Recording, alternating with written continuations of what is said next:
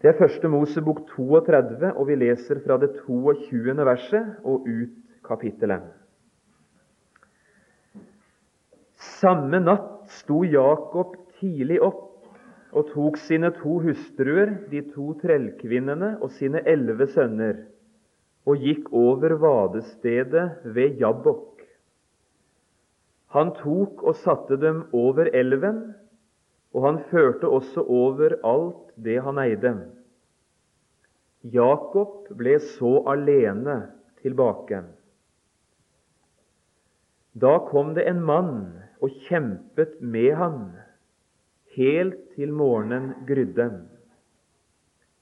Da mannen så at han ikke kunne overvinne ham, rørte han ved hans hofteskål og Jakobs hofteskål gikk av ledd mens han kjempet med ham. Og han sa, Slipp meg, for morgenen gryr. Men Jakob sa, Jeg slipper deg ikke uten at du velsigner meg. Da sa han til ham, Hva er ditt navn? Han svarte, Jakob. Han sa, Du skal ikke lenger hete Jakob, men Israel, for du har kjempet med Gud og med mennesker og vunnet. Da sa Jakob, Jeg ber deg, si meg ditt navn. Men han svarte, Hvorfor spør du om mitt navn? Og han velsignet ham der. Jakob kalte stedet Pniel, for, sa han, jeg har sett Gud åsyn til åsyn, og enda berget livet. Og solen rant, nettopp som han var kommet forbi Pnuel. Men han haltet på sin hofte. Derfor er det så til denne dag at Israels barn aldri eter spennescenen som er på hofteskålen, fordi han rørte ved Jakobs hofteskål på spennescenen. Det er ikke så ganske få barndomsopplevelser vi har med oss gjennom livet. Og jeg har lyst til å dele en av mine barndomsopplevelser med dere nå ved begynnelsen av denne bibeltimen. Det var regnvær på Notodden, og i gata nedafor huset der vi bodde, fløyt en sånn liten eh, vannbekk i rennesteinen. Det vil si, det var ikke akkurat asfalt og rennestein, men det var iallfall en sånn eh, naturlig renne ytterst i grusveien. Og vi guttene som var kledd i gummistøvler og regnfrakk, vi syntes det var veldig kjekt å lage demning. Eh, vi seilte med fyrstikker, og vi hadde en del forskjellige ting, men det var gruelig kjekt å lage demning. Og Det holdt vi på med. Spadde sammen sand og grus og fikk en fin demning til. Slik at det lille bekkeløpet nedafor det ble aldeles tørt. Det slutta å renne. Og i demningen så samla vi mer og mer vann.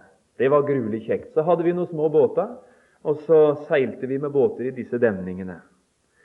Det var aldri lenge vi kunne nyte idyll og båtliv på disse demningene, for det ble altså etter hvert så mye vann. Så vi måtte til å forsterke demningene. Og Så lekte vi litt igjen, men nå ble det enda kortere tid, så måtte vi til å forsterke demning enda en gang. Og til slutt så hadde vi altså ikke annet å gjøre enn å forsterke demning hele veien. Og Noen ganger klarte vi det lenge, og andre ganger ga vi opp uten at så lang tid var gått. Og før eller siden så kom vi altså til det punkt at det sa bare voff, og så ble det storflom. Og så sopte en svær vannmengde med seg småstein og sand og grus, og hadde det vært tørt i det lille bekkeløpet nedafor demningen før, så var det nå mange ganger så mye vann som det til vanlig fløyt. Det viste seg at denne vesle, vesle vannbekken, som fløyt så fredfullt og forsiktig som vi tenkte vi skulle takle uten problem, den inneholdt krefter som vi ikke rådde med. Når vi skulle prøve å demme opp for kreftene i dette lille vannet, så kom det til et punkt at vi forsto vi klarer ikke på sikt å demme opp. Og så ble det altså oversvømmelse i Fridtjof Nansens gate på Notodden. Jabbok, det betyr utflytende. Og Det er derfor Jabbok kalles et vadested. Her fløyt Jordan ut, og det var grunne, slik at det var råd å passere over Jordanelva på det utflytende punkt Jabbok. Her fører Jakob over familien sin, og de vasser i vann kanskje både til beina og til låra, alle som skal over Jabbok. Hvorfor forteller jeg dette her? Ja, Jeg gjør det fordi dette er ikke bare en barndomsopplevelse. Men dette er en åndelig opplevelse som ikke bare jeg, men som mange av oss, kanskje hver eneste en som vil høre Herren til, har gjort når det gjelder vårt eget liv med Gud. Vi kom til det punktet i livet at vi fikk si vårt første ja til Jesus. Og de første dager og uker og den første perioden etterpå var det altså en velsigna fred i vårt liv. Akkurat som guttungene på Notodden som seilte med båter i den nyanlagte demningen. Vi hadde tenkt at nå skulle det bli slutt med det gamle livet. Nå skulle det ikke flyte gjennom så mye synd og elendighet som det hadde flytt tidligere. Vi ville slutte å banne, og vi ville slutte å drikke. Og vi ville slutte å oppføre oss på den måten som vi visste ikke var rett. Og I stedet så hadde vi tanker for å oppføre oss på en ny og annerledes måte. Det skulle ikke renne ut så mye elendighet av livet som det hadde gjort før. Og Det var ei herlig tid den første tida etter vi møtte Jesus. Det kan være litt forskjellig, men mange opplever i alle fall omtrent slik. Så var første idyll over, og så måtte vi til å forsterke demningene. Vi oppdaget at dette som vi tenkte i første runde, at dette er ikke så vanskelig å få bukt med. Det kan da ikke være så vanskelig å slutte å røyke eller slutte å banne, eller hva det nå er. Vi opplevde at plutselig så, så forgikk vi oss.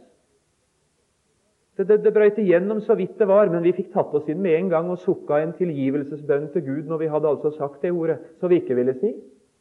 Og så forsterka vi demningen litt, og så var det fred igjen ei stund.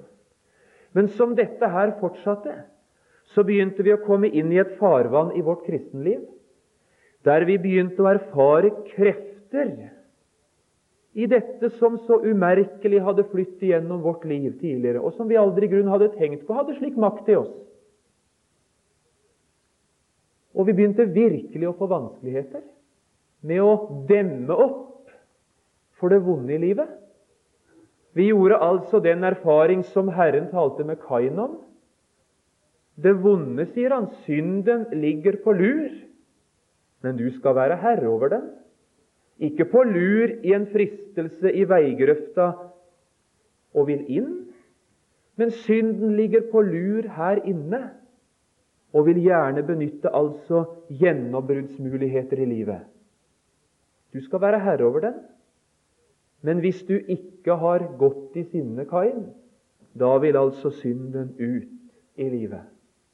Og vi begynte altså å få vanskeligheter med krefter inni oss som ikke uten videre var lett å takle.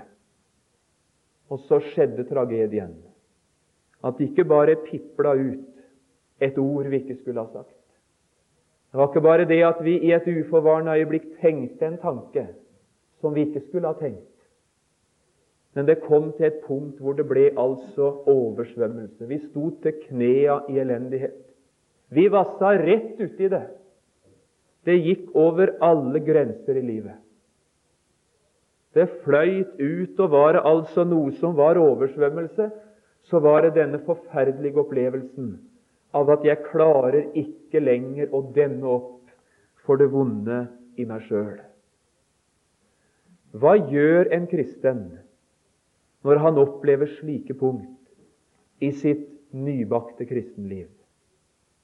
hvor han plutselig må erkjenne det er krefter i min natur som jeg ikke rår med. Det er oversvømmelse blitt i mitt liv. De sprakk, sier vi om en viss type mennesker. Nå har han sprekt igjen.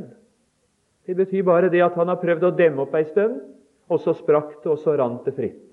Det er sannelig ikke bare de som sliter med alkohol, som det sprekker for. Det er bare det at de sprekker det så synlig for. Her er mange av oss som har sprekt mer enn én gang etter vi møter Jesus, er det ikke sant? Jo, men har vi sprekt. Hva tenker Herren om en slik som det sprekker for? Hva tenker Herren om en som ikke får til å rå med det vonde i sin natur? Ja, det er det Jabbok-opplevelsen kan hjelpe oss litt med. La meg få knytte tankene i fortsettelsen av bibeltimen etter denne virkelighetsbeskrivelsen til fire enkle ting. Et par enkle moment omkring det første. Herren møtte Jakob ved Jabbok. Han forlot han ikke. Ga han ikke skilsmissebrev eller avskjed på grått papir og sa 'Jeg hadde tro, Jakob, på at jeg som møtte deg i Betel, reiste korset for deg og ga deg en åpen himmel over livet ditt'. Jeg hadde virkelig tro på at det skulle bli annerledes med deg enn det har blitt. Han sa ikke 'Jeg hadde virkelig tro for Jakob, at du som tok oppgjøret med Laban, og som ble med opp i Mishpas utsikttårn og fikk se dette er veien. Du fikk se det gode landet og muligheten av å leve et nytt liv. Jeg hadde aldri tenkt at det skulle bli på denne måten med deg. Vi møter ikke en Gud som gir Jakob avskjed på det utflytende punkt i Abbok. Tvert imot. Er det en som har omsorg for han som står i vann til knea og kanskje enda lenger opp, så er det han som heter Gud. Det må vi si til dem som sprekker. For mange av de som sprekker, enten det er pga. alkoholisme eller det andre ting, de får umiddelbart den tanken nå er alt tapt. Hva tenker de om meg på bedehuset nå? Er det nå noe mer håp? Nei, det kan det aldri være. Du har vel ikke noe tru på meg mer nå? Hva er det som er skjedd? Det er egentlig ikke forandring i forholdet til Jesus. For de har egentlig likebruk for Jesus nå som de har hatt før. Og de ville jo egentlig ikke gå bort ifra Jesus. Men de kjenner seg av sitt fall og sin sprekk og opplevelsen av krefter de ikke rådde med, tvunget til av samvittighetsnag og en følelse av at 'dette går visst ikke for meg'. De kjenner seg på en eller annen måte tvunget til å tenke 'det kan ikke gå lenger nå'. Jeg har lyst til å si and, unnskyld, Første Mosebok 32 det er skildringen av en Gud som stiller opp ved Jabbok, som vil ha Han i tale som sliter med en natur som han ikke selv rår med. Samme natt sto Jakob opp. Det var slik vi leste i begynnelsen. Så gjør han arbeidet med å få familie og buskap over elva. Og så står det vers 24.: Jakob ble så alene tilbake. Og i stillheten, i ensomheten, under en stjernekledd himmel møter Jakob en mann, står det. Og vi er ikke i tvil om hvem mannen ved Jabbok er. Det er Herren selv som kommer han i møte. Gud velsigne det mennesket som har sprukket. Gud velsigne han, Gud velsigne henne med et syn på han som elsker Jakob også når han er ved Jabbok. Jeg skal ikke si noe mer om det. Herren møtte Jakob. Den fineste illustrasjonen vi har, det er kanskje illustrasjonen i Lukas 10 om den barmhjertige samaritan. Det gikk en prest forbi og en levitt. De så. De så han det var gått galt for. De så grøfta og elendigheten. De så en som lå halvdau og ikke var i stand til å ta seg inn i en vegende krefter. De så han og gikk like forbi, står det. Og så kommer det én. Jesus kaller han en samaritan. Og så sorterer Jesus ut i ordlista et ord som er forbeholdt Gud. Det er noen av de bibelske begrep som er så sterke at de bare brukes om Gud. I begynnelsen skapte Gud himmel og jord. Skapte, det er et sånt verb. Det, bare, det brukes bare om Gud. Det er så sterkt at det kan ikke brukes om andre enn Han. Og Her bruker Jesus et ord han sier om samaritanen. Han så han og syntes inderlig synd på. Ynkedes inderlig, står i andre oversettelser. Han så med hjertet. Det han så, det gjorde noe med han, for han så uten å gå forbi. Han så, stanset og gjorde alt som gjøres skulle. Han ynkedes inderlig. Det er Gud.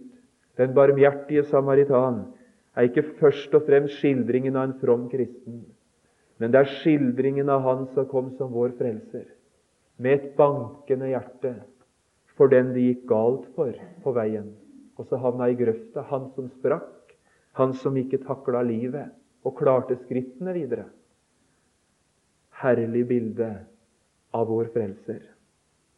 Det andre hvordan var Jakob? Nå er han altså i den situasjonen at Herren møter han på det utflytende Jabbok. Hvordan var han? Ja, nå skal du altså merke deg et, et sterkt uttrykk. Vers 24 og vers 25. Da kom det en mann og kjempet med ham helt til morgenen grydde. Og så står det Da mannen så at han ikke kunne rå eller kunne overvinne ham, rørte han ved hofteskålen hans. Av og til så skildres Jakobskampen. Du kjenner gjerne det uttrykket 'Jakobskampen' om vårt bønneliv. Vi sier om en som ber intenst for spesielle ting, at han har kjempet sin Jakobskamp. Eh, kanskje er bildet tjenlig, men det stemmer nok ikke med bildet her. Det er ikke Jakob som oppsøker mannen og begynner å kjempe med ham. Det er tvert imot mannen, Herren selv, som oppsøker Jakob og tar kampen opp. Dette er ikke først og fremst en troendes eller en kristens bønnekamp med Gud. Dette at du ber for en sak så intenst og så lenge at Herren, som du ikke vil slippe, det ender med at du liksom får velsigna Han. Det kom en mann og kjempet med han. Dette er en kamp som går langt dypere enn bønnekampen. Jakob opplever ved Jabbok kampen mellom de to naturene. Den natur som er Guds natur, som er tvers igjennom god, og som 100% vil det Gud vil. Jakob opplever en påvirkning av god natur, av guddommelig natur, av krefter som vil ha han i riktig retning. Men det står altså om Herren som arbeida med de gode krefter på ham, at han rådde ikke med ham, står det. Det er en underlig situasjon at den allmektige Gud er avmektig. At den allmektige Gud står altså råløs. Han kunne ikke rå med han.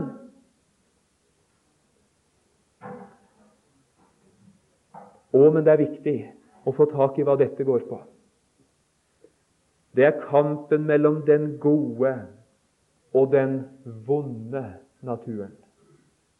Vet du hva Gud ikke kan? Forvandle din syndige natur. Gi den en skikkelig vitamin og en innsprøytning av nåde, så din gamle, vonde natur kommer på bedringens vei og får lyst til å elske Gud. Det kan Gud ikke. Det er noen som tror det. Den katolske kjerka lærer om nåden at nåden er medisin for naturen, sier de. Slik at hvis du bare får rett medisin og god medisin og nok medisin, så kommer naturen på bedringens vei, og så skal det ende altså i det å elske Gud.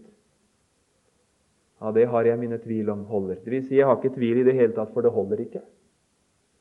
Og det er like forfeila, disse åndelige triksa som en del framviser og sier 'søk den opplevelsen', eller 'søk på den måten', så skal du oppleve en gjennomgripende renselse av den gamle natur og bli i stand ved Den hellige ånds kraft til helt og fullt å elske Gud.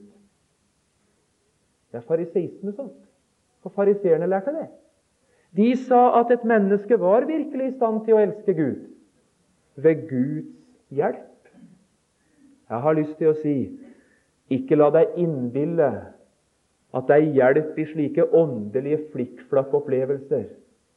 Og ikke knytt forventninger til at hvis du bare får den eller den opplevelsen, så blir din natur totalt annerledes og langt mer medgjørlig for Gud å ha med å gjøre.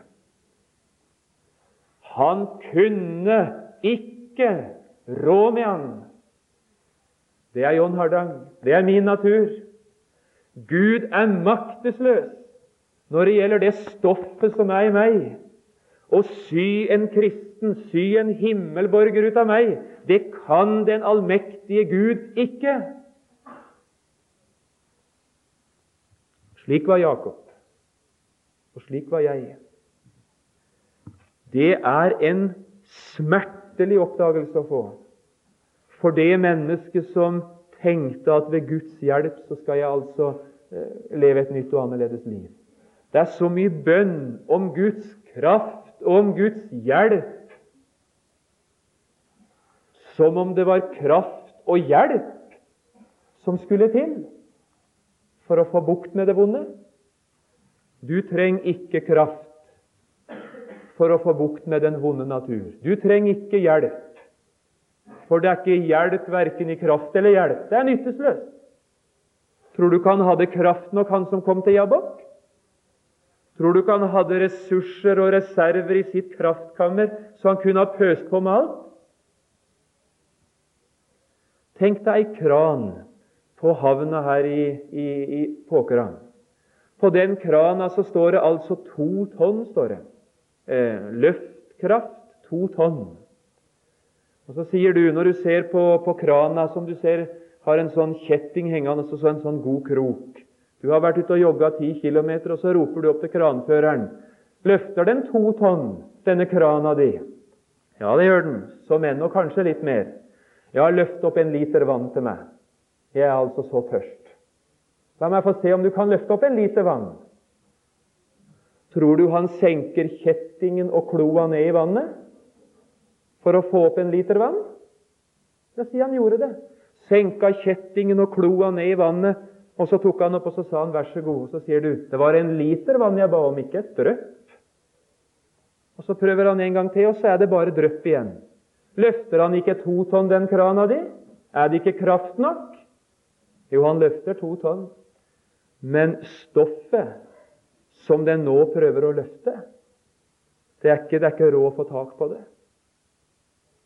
Vår natur trenger ikke kraft og hjelp. Vår natur er ikke råd å få tak på. Det er umulig å sy en kristen og en himmelborger med dette materialet som heter min vonde natur. Jeg trenger å bli frelst.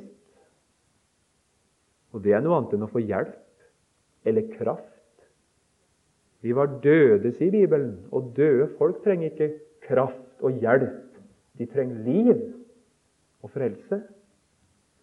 Han kunne ikke rå, han, rå med han. Og Så skal du merke deg et uttrykk, og nå benytter jeg norsken litt her, altså. Da kom det en mann vers 24, og kjempet mot ham. Står det det? Kjempet han mot ham? Nei, han kjempet med ham. Og Nå har jeg lyst til å gjøre det til en sånn herlig sak. Med ham. Er Gud Jakobs motstander? Er det fiender som møter hverandre ved Jabok? Nei, Herren stilte opp og kunne ikke overvinne ham. Kunne ikke nedkjempe han, kunne ikke kjempe mot han. Derfor så kjempet han med ham. Hva er det jeg prøver å si med det? Jeg prøver å si Gud er ikke deres motstander. Herren er ikke deres fiende som bærer en natur som de ikke får bukt med, og som står altså i synd og elendigheter langt opp under livet. Herren kommer for å kjempe med ham, sammen med ham, ved siden av ham. Han står på de sider på streken og sier Hva skal vi nå gjøre? Og så er jeg ved det, så jeg har gleda meg virkelig altså til å si hva gjør Herren? Og det er altså tredje hovedsak. Herrens handlemåte med Jakob. Hva gjør Herren med Jakob? Som han ifølge Jakobs natur ikke kunne rå med, men som han likevel ville kjempe med og for og ved siden av. Hva gjør Herren? Hva har Herren gjort? Hva gjør Han for deg og meg når demningen brister og det går i stykker for oss, og vi tenker nå er alt håp ute, og nå er det tapt alt. Nå er sprekken fullkommen. Hva gjør han? Han kjempet og kjemper med oss. Og Nå må du altså få tak i to ting når det gjelder Herrens handlemåte. Vers 27. Da sa Herren til ham Hva er ditt navn? Hva slags syn har du på deg sjøl nå, kjempende venn? Og er nå ditt selvbilde? Og er nå din egenmelding? Hvilken attest vil du nå gi deg? Hvem er du som jeg har kjempet med i timevis i nattemørket? Hvem er du? Hva er ditt navn? Han svarte, den listige, kjeltringen, bedrageren. I sannhet Jakob. Velsigne deg, Jakob, sier Gud, at du har begynt å tenke sant om deg sjøl. At du bruker personlig slikt navn på deg sjøl. At du er blitt enig med meg og min vurdering. Og hør nå vers 28. Han sa Du skal ikke lenger hete Jakob, men Israel. Og så spør jeg Når vi nå møter denne vandringsmannen seinere, heter han Jakob? Omtaler de han som Jakob? Beskrives han som Jakob? Ja, det gjør han.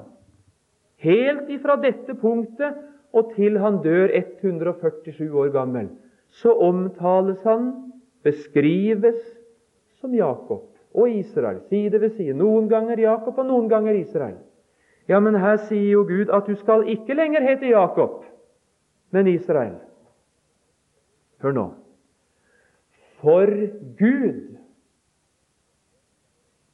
bringer eh, eller bringes Jakobs historie, Jakobs liv, til veis ende.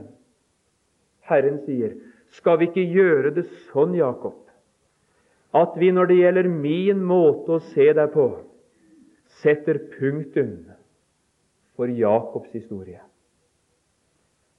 Hvis du er enig med meg at din natur er Jakob, at den er vond, at det er kjeltringnaturen, hvis du aksepterer dette at 'jeg kan ikke rå med deg', hvis du aksepterer den dom over ditt sjølliv at du er altså et håpløst tilfelle Det kan aldri bli en himmelborger ut av din natur. Skal vi ikke like godt sende hele Jakob i døden? Skal vi ikke like godt sette punktum for Jakobs historie? Kan det ikke i alle fall Jakob for himmelen få være slik at himmelen vil se deg som Israel, selv om du i vandringen fremdeles skal være både en Jakob og en Israel. For meg skal du ikke lenger hete Jakob. Vet du hva Kristi kors er? Det er på den ene sida Jesus døde for mine synder. Det er den ene sida av Jesu kors. Jesu kors, det er betalingen. Det er oppgjøret for han som sto i bunnløs gjeld innenfor Gud. Takk at du bar mine synder, betalte min skyhøge skyld med blod fra ditt fullkomne hjerte og ikke med sølv eller gull. Og som jeg fryda meg over det de første åra jeg var en kristen, og fryder meg over det den dag i dag. Men etter ei tid med Jesus så fikk jeg større problem enn med mine synder. Problem med meg sjøl, med min natur. Det var ikke bare det at jeg var skitten, men det var noe i veien med selve meg. Og jeg kan altså ikke forklare hva det har utløst av trygghet og av rikdom og av, glede i livet når jeg har fått se at korset har to sider. Og den andre sida forteller meg han som døde for mine synder. Hva med han? Han døde for meg. Og ikke bare han døde for meg, men han døde som meg. Da Jesus døde, så så Gud det slik at det var han John Hardang som døde. Det var mitt gamle liv. Det var alt det som min vonde natur Det var John Hardangs livshistorie som ble brakt til død og grav i Kristi kors. Jeg hadde jeg aldri sett på den måten før. Og Derfor hadde jeg ofte mista frelsesvissheten når jeg sleit med dette at jeg var ikke sånn som jeg skulle ha vært. Dette det er innegrodde forventninger i oss. Vi har liksom tro på at vi skal nok få det til. Og så har vi visshet som Guds barn når vi får det til. Og når vi ikke får det til, så rakner vissheten. Jeg har altså så lyst til å si Kristi kors forteller hvordan Gud ser det i en kristens liv. Og det må da ærlig talt være viktigere hvordan Gud ser det, enn hvordan du ser det, og hvordan de andre ser det. Å være en kristen, det er å være innført i Guds kartotek. Og på mitt kort så står det John R. Hardang. står det. Født 25.12.1953. Død Golgata langfredag år 33. Så han John Hardang, med alt det han er og har ifølge sitt naturlige liv, han er avskrevet i Guds regnskap. Han er innført som, som innført og som utgått. Han er foren. Det er det han er. Han er død. Og La oss nå tenke oss altså at det kom et brev i, i postkassa til deg hvor det sto tippoldefaren dins navn. Og så sto det altså at tippoldefaren din han innkalles til Haugesunds byrett fredag den 29. november. Og han er altså innstevnet fordi han skal være observert og har kjørt på rødt lys og på 120 km gjennom luskrysset. Bekymrer den innkallelsen deg noe særlig? Er du bekymra for at tippoldefaren din ikke klarer å betale boten? Eller at navnet hans blir altså skitna til av en sånn anklage? Nei, du tar det brevet altså med knusende ro, og du smiler. Du sier til, til, mannen din eller til kona di 'Se på det brevet her, sier du. Dette er toppen. Dette, dette skulle nesten VG hatt fatt i.' Her innkalles tippoldefar til Haugesund byrett, og han som døde i 1889. Anklage, trussel om straff, trussel om mulkt og bot og fengsel og dom, de er aldeles altså ufarlige. Hvis tippoldefar er død Ja, si det var oldefaren din, da. Ja, det er ikke farlig med han heller, så du får han død i 1935. Ja, men bestefaren din, da? Nei, han døde for tre år sia. Altså anklage, trusler om straff og død og dom. De er maktesløse. Hvis vi kan gi beskjed han er foren, han er reist, han er ikke her. Han er borte. Det er Gud som har hånd om vårt liv og vår sak. Hvis det skulle nå anklager, trusler om straff, dom Hvis det skulle komme et brev til himmelen som sa han John Hardang han altså krever vi en lukket himmel over. Han kan aldri altså bli med i den, i den frelste skaren i himmelen, sånn som han har gjort. Vet du hva som skjedde? Han har vært predikant i 15 år.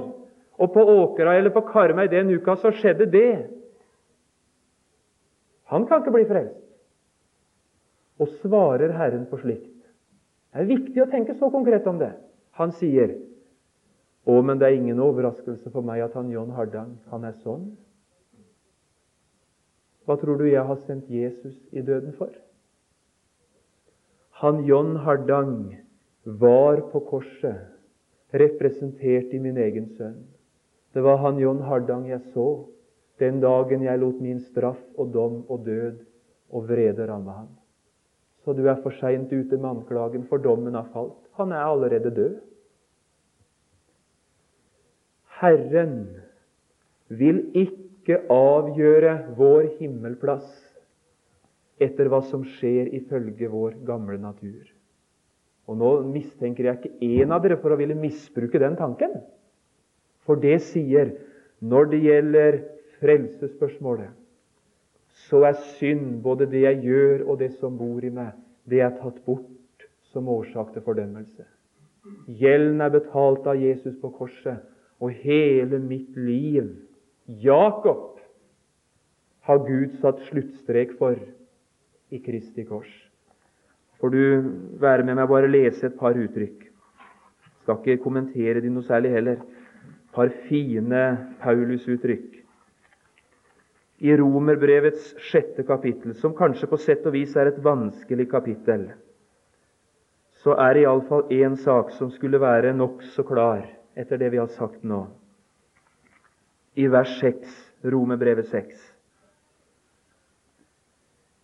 Vi vet at vårt gamle menneske ble korsfestet med Han. Det er ikke noe som skal skje ved daglig anger og bot. Det er ikke noe som skjer i en engangsopplevelse før eller siden i et kristenliv. Vi vet at vårt gamle menneske ble korsfestet med ham. Ja, når ble han korsfestet, da? Han ble korsfestet på Golgata. Vårt gamle menneske ble korsfestet med ham. Slik ser Gud det. Slik erfarer ikke jeg det. Det er sprell levende natur i meg. Adam han stortrives fremdeles her inne på en måte, iallfall hvis han får mat nok. Men altså, slik Gud ser det, så er mitt gamle menneske korsfestet med ham. Slik ser Gud det. Og slik skal vi forsøke å se det når vi anklages ifølge vår vonde natur. Vers 11, eller vers 10 og 11. Sin død, den døde han en gang for synden, men sitt liv, det lever han for Gud. Og så står det slik skal også dere regne dere som døde for synden. Ikke regn synden som død for deg, da blir du lurt. Du er ikke syndfri i din natur. Slik skal dere regne dere som døde for synden, men levende for Gud i Kristus. Og om Den hellige ånd kunne sette fyr på den sannheten, at du kunne gå ut av bibeltimen og bekjenne 'Jeg er død med Jesus'. Og den som er død, han er ferdig med synden. Og med all straff og alle anklager så har med forlengelsen av synden å gjøre. Du er foren, altså. Det er ikke råd å få tak i deg. Du er død. De kan true med mulkt, men det er, det, det, det er, det er virkningsløse ord. Du skal ikke lenger hete Jakob. Og Skal du ha med deg bare et vers som ikke jeg vil lese nesten en gang, så kan du notere deg 2. Korinterbrev 5 og vers 15. Vi har oppgjort med oss selv. Å, men det er godt å bli enig med seg sjøl og få fred. Komme til det et sånt eh, ferdig resultat. Oppgjøret. Vi har oppgjort med oss selv at én er død for alle. Derfor er de alle døde. Jeg er korsfestet med Kristus. Jeg lever ikke lenger selv. Lever du ikke lenger selv? Jo, jeg lever lenger selv når det gjelder altså min vandring, men jeg lever ikke lenger selv. Jeg skal ikke mer, slik Gud ser det, hete Jakob, men Israel. Gud anser oss i Kristus som om vi aldri hadde syndet i barnelærdommen. Det står i katekisma, og vi skulle ha kunnet det ikke bare på pugg, men vi skulle ha kunnet det og mint oss sjøl om det når demningen brister. Gjør Herren mer med Jakob? Ja, han gjør én ting til. Og det er altså det siste her. Vers 25. Da mannen så at han ikke kunne overvinne ham, rørte han ved hans hofteskål, står det. Fra Jabbok på morgenkvisten, idet sola går opp, for Rakel og Leha og trellkvinnene, medhustruene, elleve sønner og mange tjenestefolk se et syn som de aldri før hadde sett. De fikk se en prøva og gjerne hvithåra Jakob komme haltende på sin hofteskål merka i sin natur. Og var det en dag han hadde bruk for en støtte i livet, en stav, så var det denne dagen. Fra denne dagen var Jakob en merket person i sin natur. Det var synlig for han og bevisst for han, og han ble minnet om det av meg. Jeg vet at i meg, det er i mitt kjød, bor intet godt. For viljen har jeg, men å gjøre det gode makter jeg ikke. Slipp meg, sier mannen som kjemper med Jakob. Kan du gi slipp på meg nå? Vil du gi slipp? Herre, sier mannen, jeg slipper deg ikke. Hvorfor er du en kristen?